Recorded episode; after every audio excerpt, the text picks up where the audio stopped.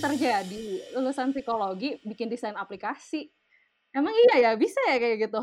Di sini udah ada UI UX researcher dan UI UX designer dari satu startup company you may say uh, yang cukup rising nih ada siapa di sini boleh memperkenalkan diri? Oh hai, gue Kelvin Denver sebagai UI designer. Hai, gue Anggun, uh, gue UI UX researcher. Oke uh, oke. Okay, okay. Nah, gue nih pertama kali ngeliat ada tulisan UI UX researcher, pertama kali ngeliat aja udah kayak ini kerjaan apa? Nah sih kok nah dari namanya aja udah ribet banget gitu. Terus gue penasaran gimana nih kakak-kakak dua ini bisa tiba-tiba kecemplung ke pekerjaan yang namanya kayak nama anaknya Elon Musk ini gitu. Jadi pas waktu lagi di Amerika itu kuliah, gue kan kuliahnya sebenarnya sebagai game designer animation. Teman-teman ada beberapa, mereka tuh ambil jurusan web design. Pas di tahun 2000, kayaknya kalau nggak salah 11, 12 gitu, banyak yang bring up terms-nya startup, startup gitu. Gue masih bingung, startup itu apa sebenarnya gitu. Kenapa selalu dapat funding, segala macam kan. Terus waktu gue udah mulai kerja, gue sebagai game designer juga. Jadi gue bikin 3D model, bikin aset gitu di satu perusahaan di Amerika. Terus sesudah gue uh, kerja hampir tiga tahun di sana, gue akhirnya ambil keputusan untuk balik ke Indonesia. Jadi pas gue balik ke Indonesia itu, gue masih ingat waktu dulu, waktu di tahun 2012 itu, 2013, gue kayak pengen tahu banyak tentang startup, tapi gue nggak tahu mau mulai dari mana. Soalnya gue kirain tuh startup itu uh, mostly involved with engineers, software engineers, back end, front end gitu kan. Gue nggak tahu sama sekali ternyata ada UI UX gitu. Jadi pas waktu gue udah balik ke Indonesia, teman gue itu dia tawarin, eh mau nggak bantuin gue? Tapi gue waktu itu awal mulainya itu sebagai graphic design. Oh. Tertarik kan? Oke lah, gue mau coba mau dive in. Gue nggak pernah kerja di perusahaan yang baru mulai gitu kan kalau di Amerika dulu orang-orang kan maunya kerjanya di big companies gitu yang udah established yang kayak role-nya oke okay, uh, lu mau jadi sebagai apa? Jadi kita fokusnya cuma di satu role. Tapi kalau di startup kan kita fokusnya di multiple roles gitu. Uh, waktu gue mulai gue bantu bikin video, uh, bikin kayak advertising campaign, terus bikin marketing, terus bikin website.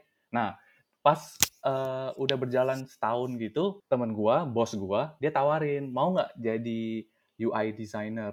Terus gue bingung apaan itu? Jadi pas udah ditawarin baru deh cari tahu apa sih sebenarnya UI oh ternyata itu UI kalau termsnya zaman dulu itu satu orang bisa handle semua. Jadi web designer orangnya bisa bisa coding bisa bikin apa button lah bikin layoutingnya. Kalau zaman sekarang kan web design itu dipecah lagi ada turunannya gitu. Jadi sebenarnya nama web design itu nama besarnya terus dipecah-pecahin. Jadi UI designer terus nanti ada front end uh, terus nanti ada UX gitu. Jadi makin banyak role. Hmm, biar nggak mati ya kak ya kerja sendiri sendiri ya. Iya, bener. Dan di Indonesia dulu kalau nggak salah belum begitu gede ya, waktu di 2005. Oh, 2005. Du eh, bukan, 2015. Gojek juga baru keluar kan ya, tahun segitu ya? Iya, bener, bener. Gue pertama kali pakai Gojek, pakai aplikasi kasarnya yang startup unicorn zaman sekarang tuh tahun 2015-an sih. That's like a, the year of startup di Indo. Mm -mm, startup startup tuh jadi heboh di Indonesia gitu. Kalau dulu kan kalau kita lihat Bukalapak, kita lihat Tokopedia zaman dulu, desainnya mana sebagus sekarang gitu. Kayak yang penting jadi dulu untuk uh, market Indonesia bisa dipakai, oke, okay, berarti user pasti pakai pas adapt gitu. Kalau dari Anggun nih, Anggun gimana ceritanya sih bisa kecemplung jadi UI UX researcher gitu? Sebetulnya pas awal-awalnya tuh gue kelar kuliah, itu gue intern di bidang apa ya, gue bantuin produk sih pada saat itu. Di bank anak muda itu kan. Oh iya. Iya, yang mbaknya ada di mana-mana itu kan. Yang sampai ke kamar mandi aja itu kan. Oke, okay. ya di situ intern tapi kayak produk generalis gitu lah. Jadi kayak membantu apa pun yang bisa dibantu gitu. Karena pada saat itu tuh kayak produknya baru gitu. Jadi emang nggak um, banyak resource. Ya udah gue bantuin apa yang bisa gue bantu. Tapi di situ kayak mulai menjamah-jamah ke arah bahkan bukan ke researcher doang gitu bukan UX researcher aja, tapi menjamah ke UX writer juga. Jadi kayak gue bantuin wordingan yang ada di apa produknya dia, terus habis itu kayak bantuin uh, ongoing researchnya juga. And then, um, oke okay, diajak ngobrol sama si apa namanya si supervisor gue yang di sana itu. Terus kayak sebetulnya lo uh, tertariknya yang mana? Terus kayak gue bilang gue tertariknya ke research ya sih terus ya udah akhirnya jadi freelance gitu um, apa namanya as a UX researcher freelance gitu. Sebenarnya beda dari dua kerjaan kalian nih di mana sih dan ketemunya tuh di mana sih sebenarnya? Kalau dari sisi gua, UI designer tuh lebih ke desainnya bagusnya seperti apa buat user gitu. Ke apa ya? Misalnya kalau kalau kita dandanin cewek, kan cewek pasti mukanya didandan jadi bagus gitu kan kalau didandan kan. Seperti itulah gitu kerjaan UI designer. Jadi lebih yang penting cantikin produknya gitu. Kalau berarti nggak bagian UI UX researcher itu nanya-nanyain ya, kamu maunya didandaninnya yang looknya kayak gimana gitu ya?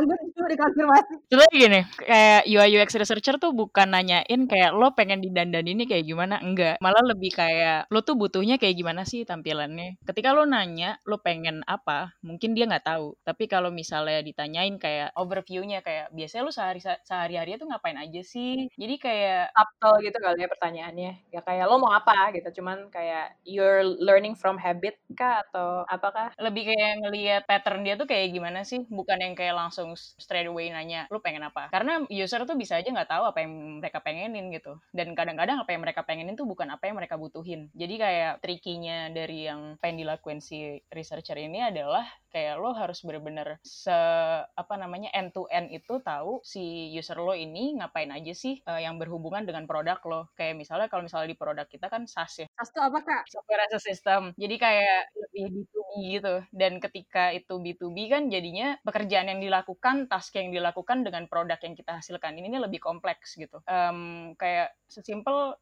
kayak gini deh um, yang bukan B2B lah ya kayak emang ya udah lu pesen ojek terus habis itu nunggu terus habis itu ya udah ojeknya datang that's it. Kalau ini tuh bisa aja kayak buat ngurusin apa sistem buat ngurusin apa kayak pajak kayak atau apa. Dari segi researcher tuh ketika di lapangan uh, yang kalian lakukan tuh researchnya semacam seperti apa sih? Researchnya semacam apa yang pasti kayak misalnya ada satu project nih, misal project A ini ngomongin tentang apa sih kayak kebutuhan pebisnis mikro gitu.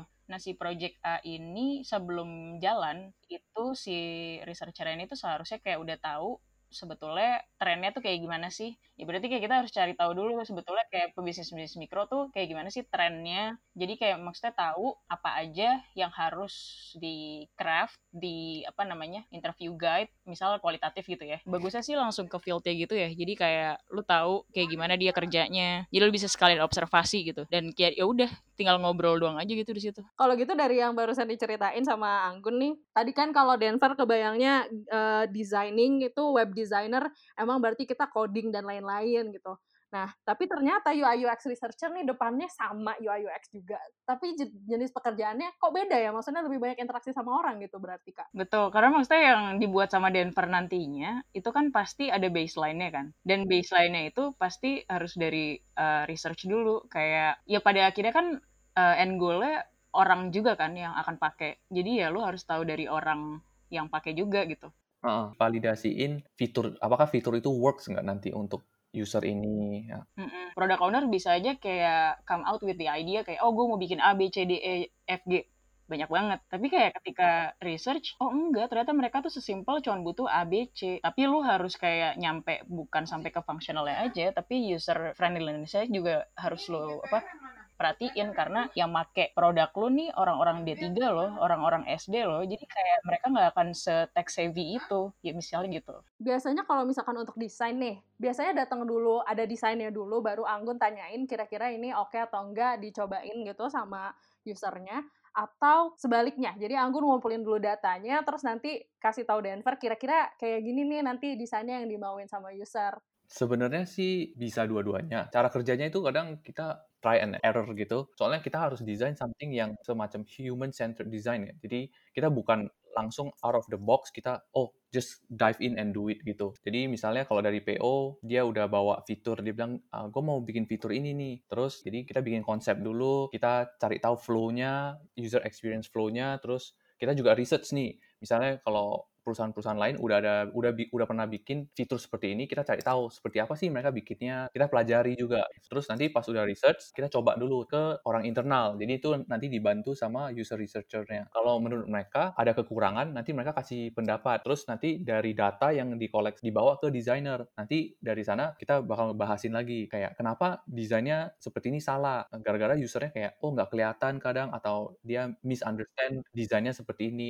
Kita sebagai desainer apa yang kita put into the app, kita harus ngerti gitu. Kenapa kita desainnya seperti ini? Kenapa buttonnya kita taruhnya di sini? Kenapa checkboxnya di sini gitu? Kenapa gitu? Itunya semua harus terjawab. Kalau kita nggak jawab atau kita nggak bisa jawab itu, berarti kita desainnya itu nggak make sense. Jadi ya ternyata banyak banget ya stepnya yang sampai akhirnya kita let's say kita pakai aplikasi apa sampai akhirnya ternyata oh buttonnya ada posisinya di situ terus keterangannya kita kliknya di sana there's so much that goes into that dan ternyata yang membuat itu semua kejadian adalah orang-orang di balik layar seperti Anggun dan Denver ini ya UI UX researcher. How long does your project let's say from scratch from the brief dari klien or whoever it is sampai akhirnya muncul ke website kah atau application itu biasanya berapa lama? Wah, itu pertanyaan sulit, tunggu. Rata-rata deh. It depends. When kita make that project, ada yang kita create as early as possible. Jadi kayak misalnya one month, two months, I think. Terus yang paling lama hampir setahunan. Just for a page or for the whole website or for the whole app? For one feature, ya kayak one feature. One feature tuh uh, informasi pengeluaran bulanan dalam satu aplikasi perbankan digital gitu ya misalkan. Fitur barunya ya kak ya, aduh. Guna banget soalnya, aku suka deh. Ya terus. Uh, tapi kalau kalau lamanya itu bukan dari dari sisi kita. Kita desain bisa secepat mungkin, tapi ya lama. Dari sisi klien. Bukan dari dari developmentnya, developers. Soalnya challenging. Misalnya kalau mereka create something dari produk yang udah ada kan, mereka takutnya nanti ada bugs, terus mereka harus perhatiin performance-nya dari sisi development-nya. Jadi pas mereka write code-nya itu, mereka benar-benar harus kayak perfect lah gitu. Oke, dengan segala semua challenges ini, ini segala suka dan dukanya kayaknya menjadi UI UX researcher and designer nih. Apa sih hal yang paling menyenangkan dan juga hal yang menurut kalian paling challenging nih? Yang paling challenging di um, di bagian research itu adalah awalnya gitu. Bisa aja kayak misal nih, product owner kayak penasar uh, penasaran dulu nih kayak sebetulnya pengen tahu dia tuh mau bikin apa namanya feature apa sih. Terus ya udah dilempar ke researcher. Kayak apa sih sekarang lagi butuh apa gitu ya terus kayak hasil dari research kita apa yang mau kita pointed out dari users needs itu kan yang akan dibawa kan jadi kayak ketika um, lu kayak ngasih data yang nggak valid dan nggak sekomprehensif itu lu bi bisa bawa apa ya um, arah yang salah aja gitu buat the whole product development. Bahkan desainer aja kan kadang kalau misalnya mau bikin desain itu kan mesti nunggu dari research dulu kan. Yes. Ya kok gue yang jawab harusnya Denver dong. so tahu Apa tadi um, yang paling disenengin sama yang paling gak disukain ya? bisa nyambung sama user lo sih pas lagi interview. Karena itu salah satu bagian yang challenging juga. Jadi kayak ketika itu berhasil di tackle jadi sebuah yang hal yang menyenangkan aja gitu karena gini tipe user dari tiap produk itu beda-beda. Dan di sini yang produk kita itu tipe user yang um, bisa dimas dikategorin sebagai difficult user. Define difficult user tuh gimana? Banyak komplain gitu ya kayak Alia ini kayaknya buttonnya masih di sini deh kurang efektif coba dipindahin ke atas coba gitu. Oh iya sorry jangan salah. Kayak uh, gue sebagai researcher gue juga kadang-kadang suka sebagai customer service juga gitu. Jadi kayak si user ini akan kayak marah-marahin gue aja gitu. Padahal kan eh mohon maaf bu kita kan sekarang janjiannya mau interview gitu ya. Tapi akhirnya kayak ketika udah connect sama usernya terus kayak jadi bener-bener apa ngedeep dive dia tuh kayak mau kayaknya maunya kayak gimana storynya dia kayak gimana itu rasanya enak banget sih. Maksudnya kayak lu bener-bener tahu gitu apa yang mau lu defend dari sisi user pas um, apa ngelanjutin si product development ini. Kalau dari sisi gue memang uh, dari feedback user kalau user bilang apa bagus uh, memba sangat membantu terus uh, pakainya juga gampang itu kita sebagai desainer kita happy kita kan juga ada brand health checking ya. Jadi kayak seberapa besar sih si siapa namanya si user kita ini mau merekomendasikan kita. Nah itu kita cek per bulan kan. Kalau misalnya emang naik, tuh skor lo, abis itu kayak selain naik, uh, komennya itu karena UI UX-nya bagus gitu. Ya berarti kayak oh, oke. Okay. terus kayak kita akan share sama designers eh lihat dong nih skor kita naik. Terus kayak UI UX-nya katanya bagus kayak gitu. Soalnya kalau kalian lihat ya uh, di dunia ini kita nggak bisa satisfy semua orang. Pasti ada aja ada ada haternya. Wah iya. Ada ada hate ya. Iya pasti ada. Tapi kita maklumin aja nggak apa-apa gitu. Yang penting kita bisa bisa membantu berapa persen dari populasi yang pakai kita punya produk gitu. Misalnya kalau 70% udah satisfied, we are happy tapi we will do better and make it better gitu. Oke, dari semua-semua ini nih ya, eee, challenge-nya ada yang lumayan challenging dan bikin kita kayak gemes-gemes sendiri, tapi juga apa, plus point-nya kita bisa membantu orang untuk mendapatkan banyak kemudahan juga gitu. Kira-kira tips and triknya apa sih kalau misal pengen jadi UI UX researcher dan designer? Apa sih yang mesti teman-teman pendengar yang mungkin lagi cari pekerjaan pertama atau looking to switch careers, eh, siapkan? Mungkin gue tanya dari Anggun dulu nih. Yang pertama pasti lu harus tahu metode research sih. Maksudnya kayak lu mau gimana researchnya kalau misalnya nggak tahu juga kan. Ya intinya gitu. Tapi kan maksudnya basically semua semua jurusan ya, semua jurusan kan pasti juga kayak lu bikin skripsi gitu. Bikin skripsi pasti ada metode researchnya kan. Ya mirip-mirip sebetulnya. Jadi kayak kerjaan lu tuh skripsi dikali Oh iya, skripsi dalam waktu satu minggu, dua minggu gitu kurang lebih seperti itu. Terus habis itu um, ini sih uh, rasa penasarannya tinggi kali ya. Karena kayak sebagai research kalau misalnya lo nggak punya rasa penasaran yang tinggi, ya apa yang lo mau cari tahu aja. Maksudnya uh, kadang tuh insight yang pada akhirnya lo kumpulkan ke dalam deck yang mau lo share ke stakeholders itu seberapa rich-nya ya tergantung curiosity lo seberapa gitu. Uh, seberapa hungry sih lo sama data gitu. Kayak kadang tuh kan interview aja tuh nggak cukup gitu. Soalnya kan biasanya kan ada aja kan yang kayak ya udah interview ya udah itu yang gue dapet telan mentah-mentah gitu. Padahal nggak juga nggak bisa sama kreatif problem solving. Jadi kayak kebanyakan soft skill soft skill gitu sih anyway kayak semuanya juga bisa gitu. Semua orang nggak nggak yang dari certain apa namanya major yang bisa. Mungkin plus poinnya kalau buat gue karena gue dari psikologi jadi kayak lo bisa nge-apply banyak teori psikologi ketika lagi analisis research itu yang serunya sih jadi pokoknya intinya nggak harus lu punya background IT, yang penting lu ada kemauan.